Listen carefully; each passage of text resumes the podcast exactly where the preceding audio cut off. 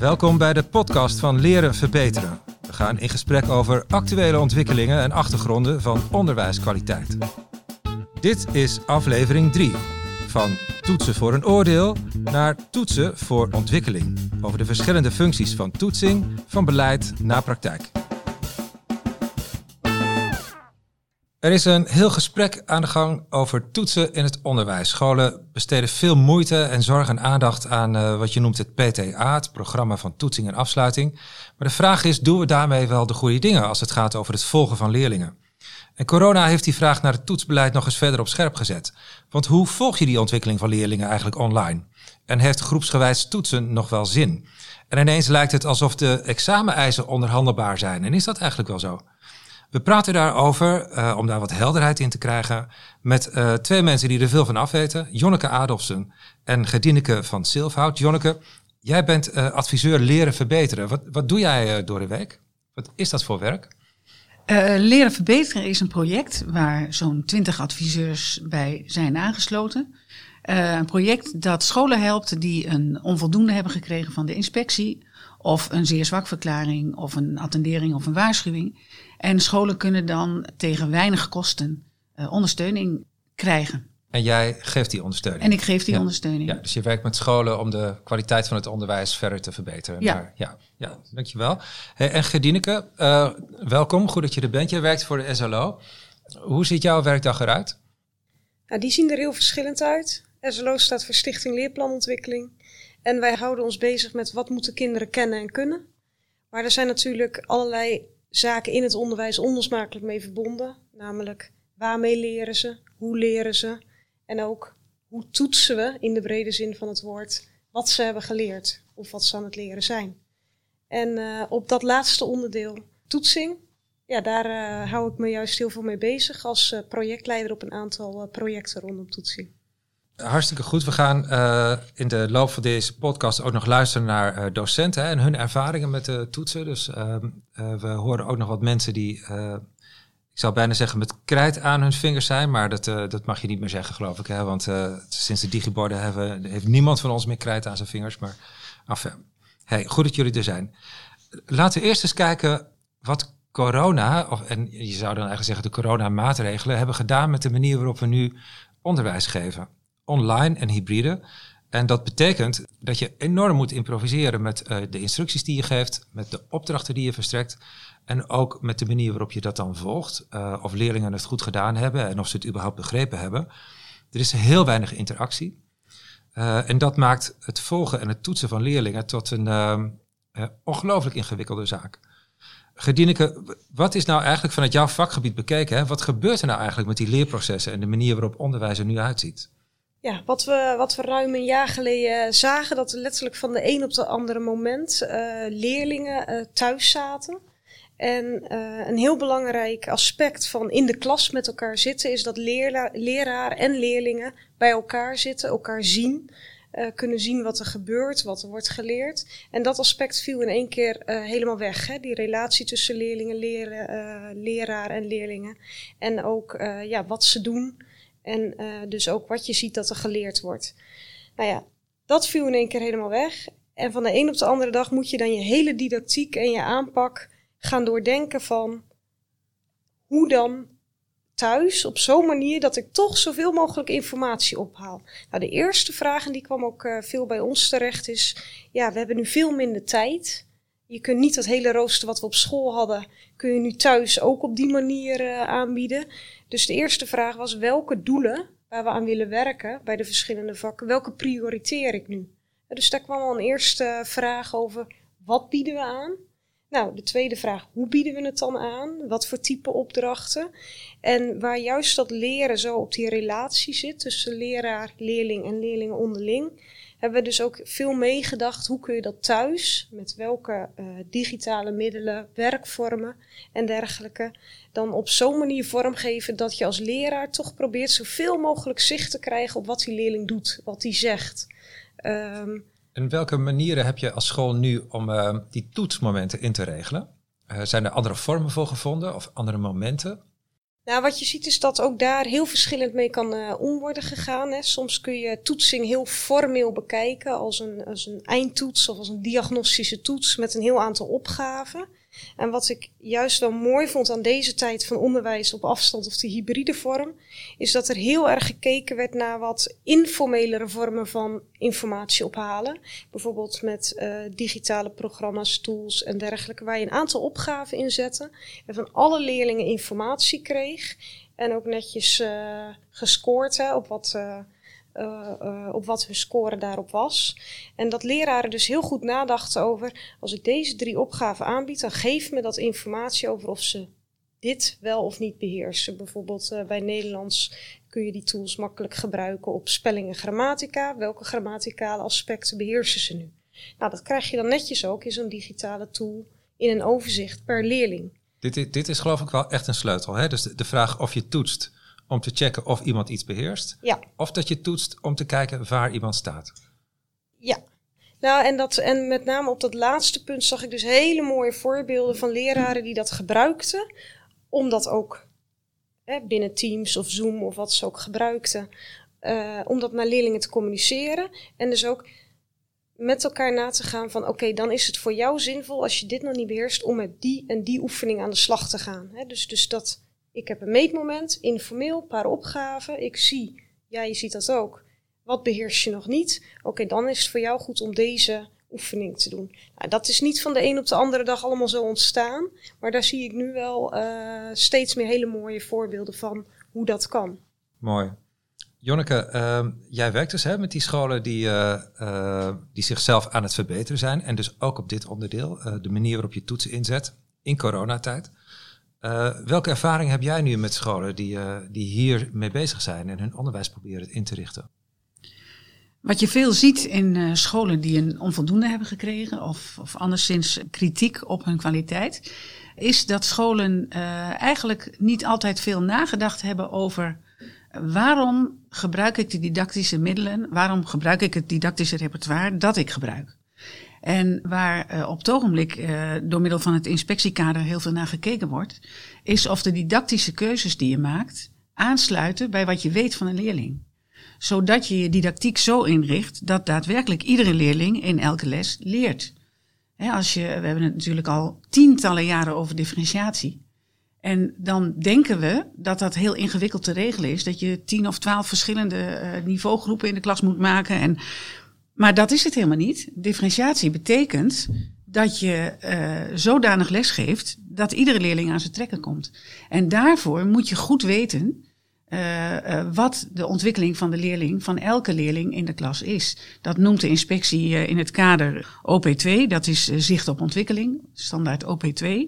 En daar, daar maakt de inspectie dan de koppeling met OP3 en dat is het didactisch handelen. Dus de vraag is, kunnen wij zien aan wat wij in lessen observeren, dat docenten rekening houden met hoe ver kinderen waren voordat deze les begon? En scholen die daar uh, uh, het toch al moeilijk mee hadden, hè? Die, die, uh, die sukkelen nu ook uh, in de, in de coronamaatregelen, dus online, hybride vormen van onderwijs. Ja. En wat zie je dan in de praktijk gebeuren? wordt het nog veel ingewikkelder en moeilijker? Of zijn dit scholen die juist heel bewust bezig zijn en zijn dit juist de scholen die, die het op orde houden? Wat is jouw ervaring? Nou, deze scholen, uh, uh, hè, ik kom natuurlijk juist in die groep uh, leren verbeteren scholen. En deze scholen waren hier natuurlijk over aan het nadenken, omdat bijna altijd dit het punt is waar het om draait in hun beoordeling. Dus ze waren er al over aan het nadenken en merkten tijdens corona dat het ook eigenlijk heel goed kon. Want toen moest het, precies zoals Gedineke straks al schetste, je moet op een heel andere manier zorgen dat je weet waar een leerling mee bezig is.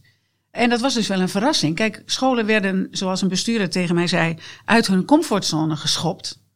En bleek ineens dat ze buiten die comfortzone ineens heel veel gingen leren zelf als school.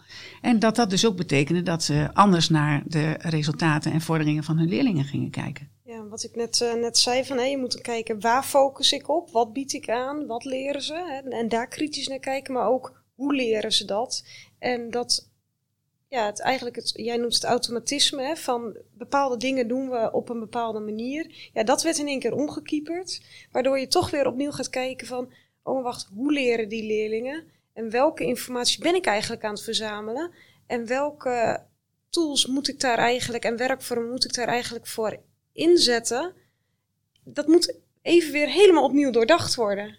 Want ze zitten op afstand. Dus die relatie, hè, dat een leerling even onderuit gezakt zit of met hele andere dingen bezig is of gewoon vastloopt, die zie je gewoon niet of veel minder. Uh, en, en daar probeer je dan zo goed mogelijk op afstand aan tegemoet te komen. Uh, je zag dus ook allerlei breakout uh, rooms en dergelijke ontstaan waar dan een leerling, een leraar ook in aansluit. Maar ja, als ik als leraar in één breakout room zit, dan kan ik vier, vijf andere rooms niet volgen. En welke leerlingen zet ik dan in die andere breakout rooms bijvoorbeeld bij elkaar? Daar moet je dus als leraar over nadenken van welke groepjes maak ik dus. En dat werd dus ook heel uh, gedaan, terwijl ze soms in de klas standaard in bepaalde groepsopstelling al zitten.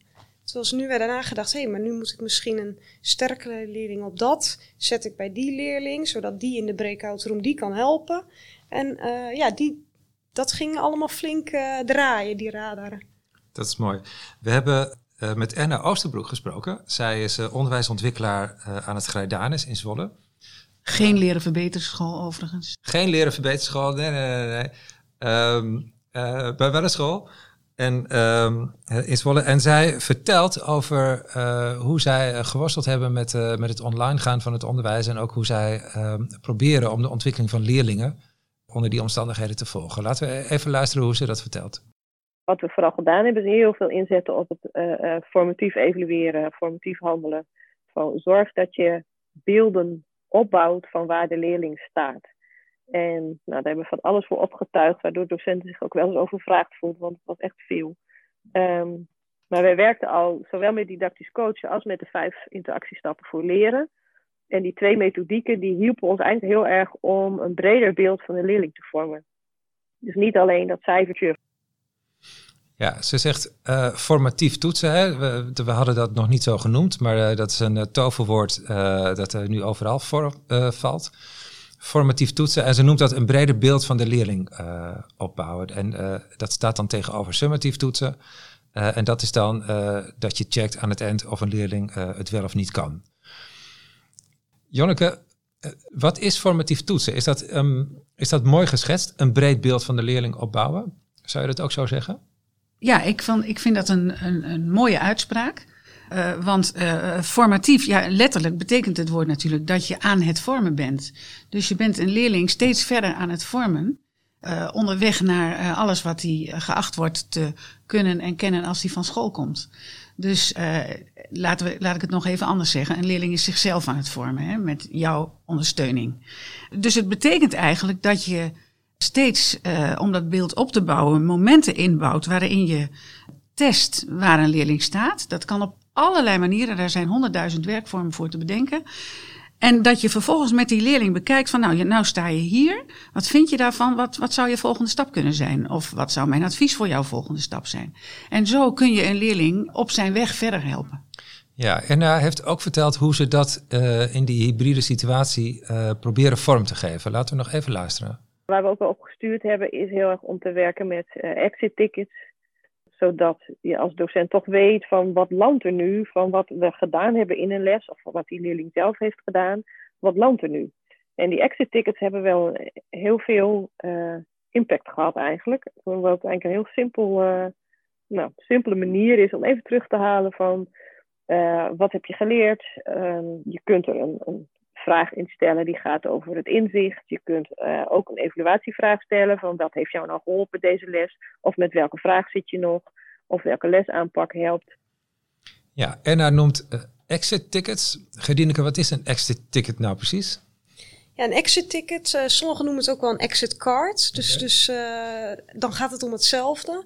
Dat is eigenlijk, als je het in de klas inzet, letterlijk vaak ook een kaart of een ticket, waarop dan de, de leraar een uh, vraag stelt, zoals Anna net al zei, aan het eind van een les of aan het eind van een blok, een stuk onderwijs of uh, wat dan ook, vaak aan het eind dus van een lesuur, als leerlingen weer naar het volgende lesuur doorgaat. Ja, en het mooie vond ik wat Anna aangaf, die exit ticket, dat is niet één soort vraag wat je erop stelt, maar heel erg passend bij, ja, waar richt je in die les op? Wat is jouw doel ook met die leerlingen? Hebben ze de leerstof begrepen? Dan kan ik bijvoorbeeld een inhoudelijke vragen stellen. Of sommige exit cards die zijn juist heel grafisch. Uh, dat ze iets moeten tekenen. Bijvoorbeeld bij biologie dat je de uh, kringloop in moet tekenen. Nou, dan kun je in één oogopslag zien bij het uh, verzamelen van die exit cards aan het eind van de les. Hebben de leerlingen het begrepen of moet ik de volgende keer wellicht iets uitleggen of toelichten of nog wat verdiepen? Um, dus op de inhoud, maar juist ook op, op de aanpak. En we weten uh, hè, dat, dat, dat feedback en ophalen op, op, op inhoud effectief is. Maar juist ook op aanpakvragen weten leerlingen hoe ze iets moeten aanpakken. Hebben ze daar nog verdere hulp bij nodig om daarop inzicht te krijgen? Ja, dan snap ik wel dat Erna zegt, dit heeft ons uh, veel opgeleverd. Zeker als uh, uh, leerlingen moeten daar natuurlijk wel routines in krijgen. Onder woorden leren uh, brengen wat ze nog um, nodig hebben. Um, en daar moet je ze ook bij helpen. Maar als ze dat goed weten te omschrijven, dan, dan is dat zeker een uh, heel mooi en effectieve werkvorm om in te zetten. En dus ook op afstand. Want die kun je ook weer op afstand inzetten. Ja, dat snap ik. Kennen jullie andere werkvormen om op die manier een beeld te krijgen van waar leerlingen staan en hoe ze leren? Naast die exit cards? Nou Jonneke, jij zei net al, hè, van er zijn legio werkvormen en waar ik altijd op hamer is, uh, ze moeten passen bij je doel. Deze docent heeft nagedacht over, ik zet een exit card in, bijvoorbeeld met een inhoudelijke vraag om te checken of ze mijn uitleg hebben begrepen. Daar kan een exit card een, een heel mooi middel van zijn, maar daar kan bijvoorbeeld ook een wisbordje in de klas, dat alle leerlingen op hetzelfde moment hetzelfde antwoord uh, opschrijven. Bedoel, hun antwoord opschrijven en dan kijk je of dat hetzelfde antwoord is kan ook een werkvorm zijn. En zo heb je allerhande leerlingen in groepjes op een flap over aan de slag laten gaan. Maar ik vind altijd het, het krachtige is die werkvormen bedenken die jou ook als leraar snel inzicht geven op waar leerlingen staan. Dus die informatie geven. En daar zie ik ook wel een valkuil in uh, formatief evalueren. Dat we soms ja, die, die, die eindtoetsen die we gewend zijn, die zetten we dan halverwege als diagnostische toetsen in. Maar dat zijn zulke grote toetsen met weer zoveel elementen, dat je zelf weer heel lang moet gaan nakijken. En misschien uren later of soms zelfs een week later pas feedback kan geven. Dus juist die werkvormen die je snel zicht geven op leren, ja, die zien we dat zo krachtig zijn, omdat je dan ook snel weer kunt interveneren, een passende vervolgstap kunt nemen. Jonneke, die, deze manier van toetsen, hè, die dus formatief is, komen die dan in de plek van, uh, van het toetsen zoals uh, nou, het nog ging toen jij en ik op school zaten? Hè? Dus dat je gewoon één middag hard leert en dan toets kan doen en door. Ik snap dat je met dat formatieve toetsen veel meer informatie ophaalt over het leerproces. Maar komt dat dan in de plaats? Is dat dan de manier waarop je de kwaliteit van het onderwijs verbetert in dat leren verbeteren? En, en toetsen we dan niet meer voor een cijfer? Um, dat is heel verschillend per school. Wat je vaker ziet als er uh, nieuwe concepten ontwikkeld worden of nieuwe ontwikkelingen ontstaan, dat is dat mensen die meteen heel groot gaan doorvoeren en zich dan verliezen in de organisatie en in van hoe doen we het nou echt optimaal. En dan eigenlijk het doel voorbij schieten.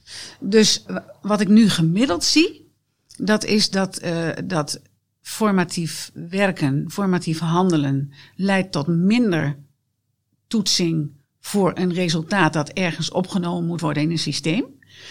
En dat scholen wel nog steeds ook summatieve toetsen geven, waar ze een cijfer aan hangen. Omdat soms vragen, vragen kinderen dat ook. Hè, van, uh, krijg ik wel af en toe een cijfer, want mijn ouders willen graag weten hoe ik ervoor sta. Dat, dat soort, het is natuurlijk ook zo ingesleten bij ons om zo te werken. Laat ik zeggen, als het om mijzelf gaat, hoop ik dat er minder uh, getoetst wordt zoals wij voorheen toetsten. Want dat, wat we natuurlijk ook altijd deden, was dat we zo, uh, zo onverwacht mogelijk hele moeilijke overhoringen gingen geven. En als kinderen dan een drie hadden, dan zeiden we, ja kijk, je hebt niet geleerd. Maar dat zegt helemaal niks over wat een kind waard is op dat gebied van dat stuk leerstof. Dus de verandering is inhoudelijk heel mooi en ook wel heel groot, maar betekent niet dat je helemaal niet meer toetst voor een cijfer. Die drie is meer zo'n voorbeeld van zo'n overlevingsstrategie. Hè? We gaan toetsen inzetten zodat we bijna afdwingen dat leerlingen gaan leren, want anders gaan ze onderuit. En zo proberen we dan leerlingen aan het leren te houden of te zetten. Terwijl je dat testen waar jij het net over had, veel meer als een leerstrategie kunt in, uh, in, uh, inzetten.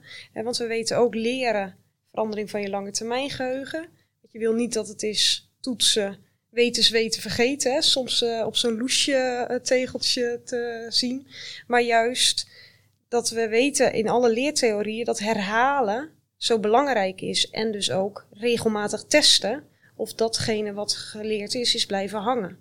Uh, en dat komt daar heel erg, dus toetsen als leerstrategie, of testen als leerstrategie, is een heel krachtig middel, weten we uit onderzoek. En dat kan heel laagdrempelig met allerlei werkvormen zonder een heel toetscircus op te tuigen en met cijfers te gaan ja, afrekenen eigenlijk.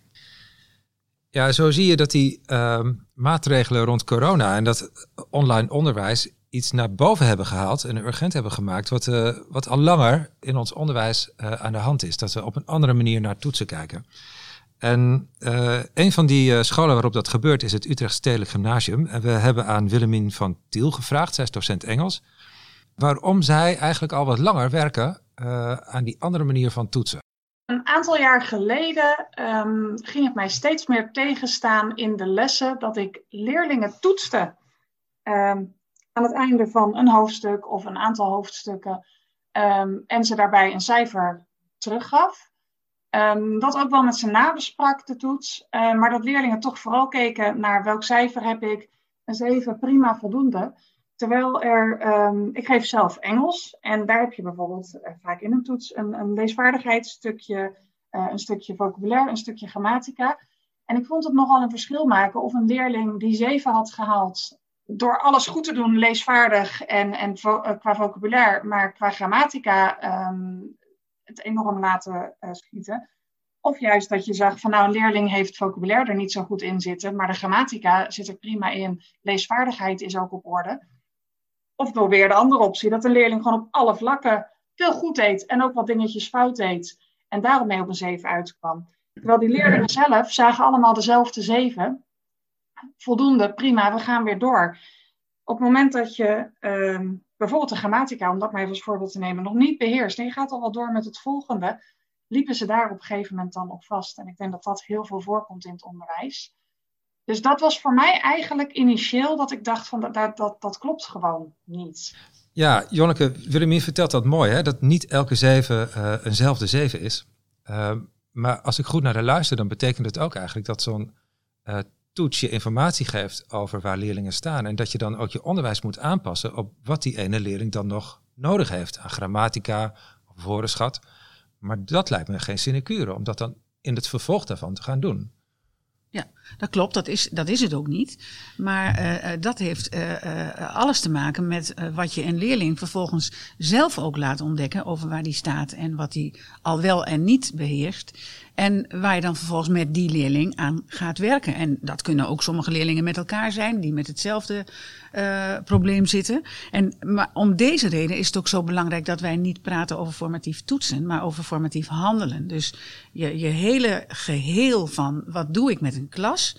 Uh, vraagt om kiezen uit je didactisch repertoire, passend bij wat je bij leerlingen hebt geconstateerd en wat leerlingen bij zichzelf hebben geconstateerd. En leerlingen constateren dat ook zelf. Hè? Die raken zich bewust van, hé, hey, dit kan ik al en uh, hier heb ik nog iets te doen. En daarmee geef je ze ook een actieve rol. Ja, en dat is dus echt het, het, het, het, het omgekeerde van dat je een toets geeft en, die, en dat je een leerling vertelt, je hebt een 7,3. En dat die leerling nooit meer iets terugziet van wat hij heeft gepresteerd. Waarom die een 7,3 heeft. Waarom die, uh, die 2,7 tot een 10. Uh, uh, wat is daar misgegaan? Soms horen leerlingen nooit meer iets terug over een toets. Want anders moet de docent het jaar daarop een nieuwe toets maken. Ja, en dat is wel veel werk. Ja, het is ook veel werk. Maar dat moet wel. Als je naar de onderzoeken kijkt over formatief evalueren, dan spreken ze ook vaak over een uh, cyclus van formatief evalueren. En eigenlijk hoorde je dus zeggen van, in dit fragment hoor je bijvoorbeeld, ik heb veel informatie verzameld. Hè, leerlingen staan met hetzelfde cijfer kunnen ze verschillende dingen wel en verschillende dingen niet. En in het cyclus gaat het dan verder met als je die informatie hebt verzameld, welke passende vervolgacties neem je dan? En dat zul je inderdaad, soms geldt het voor een hele groep bijna hetzelfde, omdat ze allemaal een onderdeel niet beheersen. Soms geldt het voor vier leerlingen en de rest kan door. En soms uh, zie je dat het uh, inderdaad op drie, vier verschillende aspecten zit. En dat is telkens, en daarom is het geen sinecure, uh, het spel van informatie verzamelen, interpreteren en die passende vervolgstappen ondernemen. Nou, dat zie je in de literatuur van formatief evalueren in uh, alle modellen eigenlijk terug. Ja, we hebben er ook over gesproken met een docent wiskunde. Dat is Jurgen van Remorteren en hij werkt aan het Alkwin College in Uithoorn. En hij vertelt ook hoe die interactie uh, met leerlingen dan gaat als je het er over die toetsen gaat hebben en wat de vervolgstappen dan kunnen zijn. Of een leerling gaat leren, bepaalt de leerling zelf.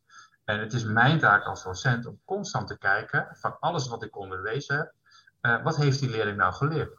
En wat betekent dat voor de vervolgstap die die leerling moet zetten? Ja, dat is dan uh, overleg tussen uh, de leraar en de leerling. En daar heeft hij ook nog echt een heel uh, krachtige, fantastische quote over. Laten we nog even luisteren naar hoe hij dat formuleert.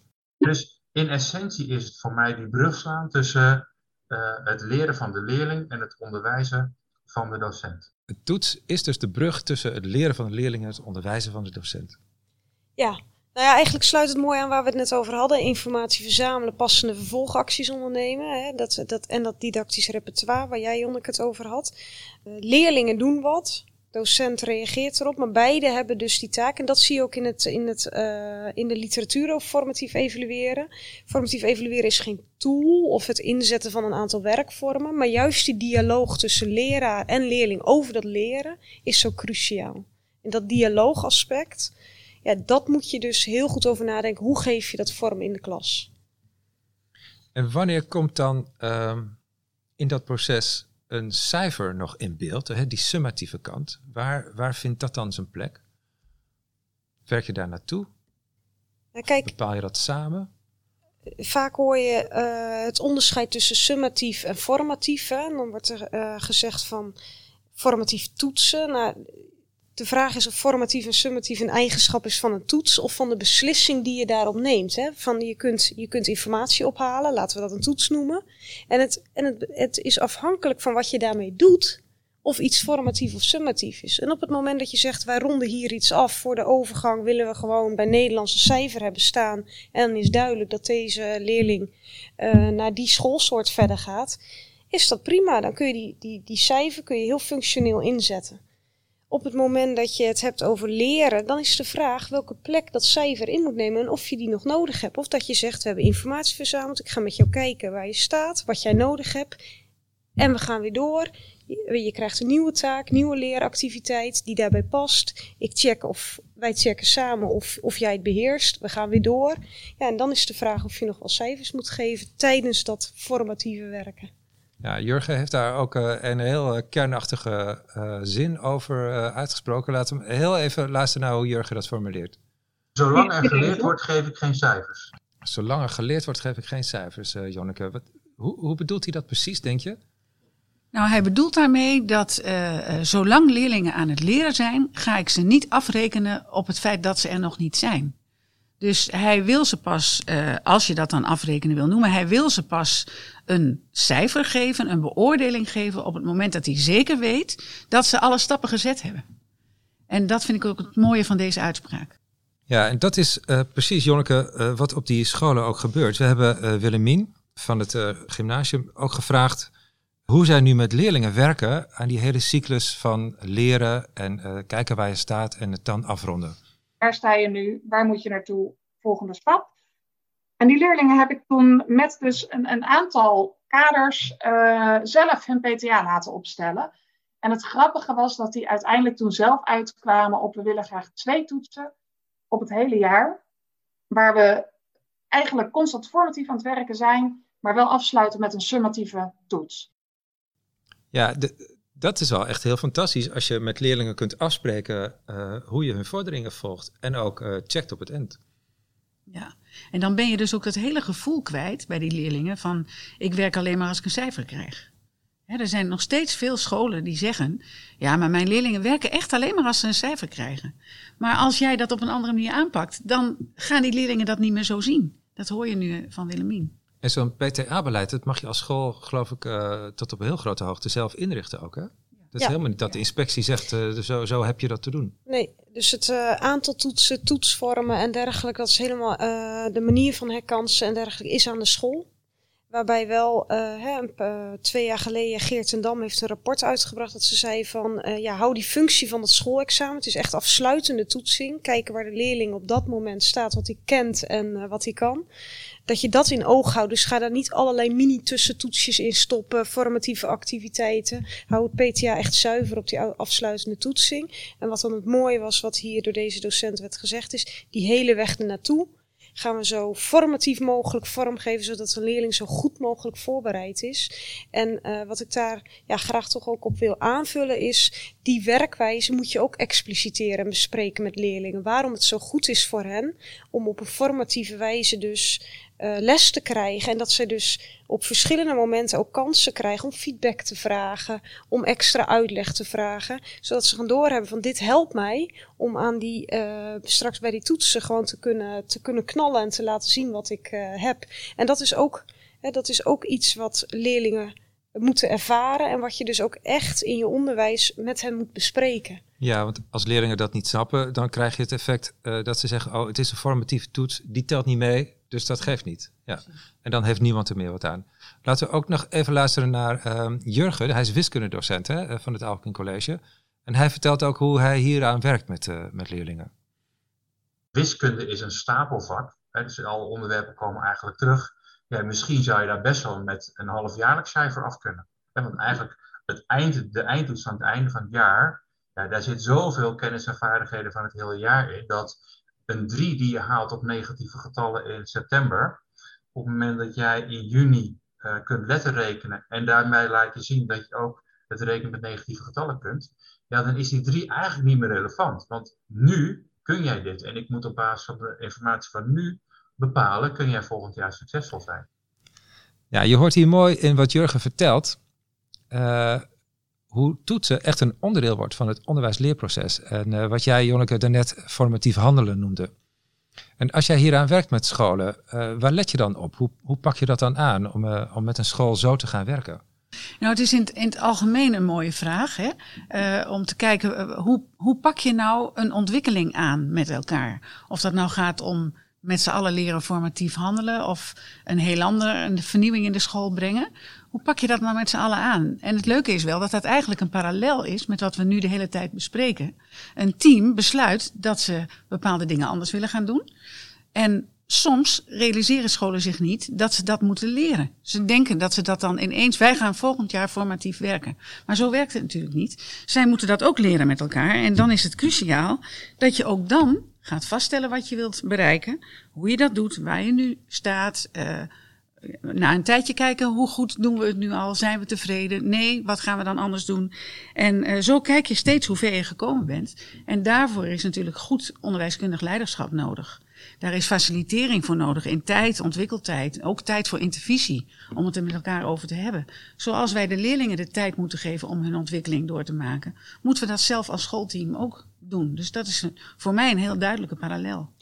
Ik heb een keer een uh, lezing van uh, Dominique Sluismans uh, gevolgd. En ehm, zij had het modelletje van Dylan William, nou, de, de goeroe op formatief evalueren, had ze gepresenteerd. Met waar werk je naartoe, waar sta je nu en hoe kom je op die gewenste situatie. In het modelletje van Dylan William staat dan een rol voor de leraar, een rol voor de leerling en eentje voor de medeleerling.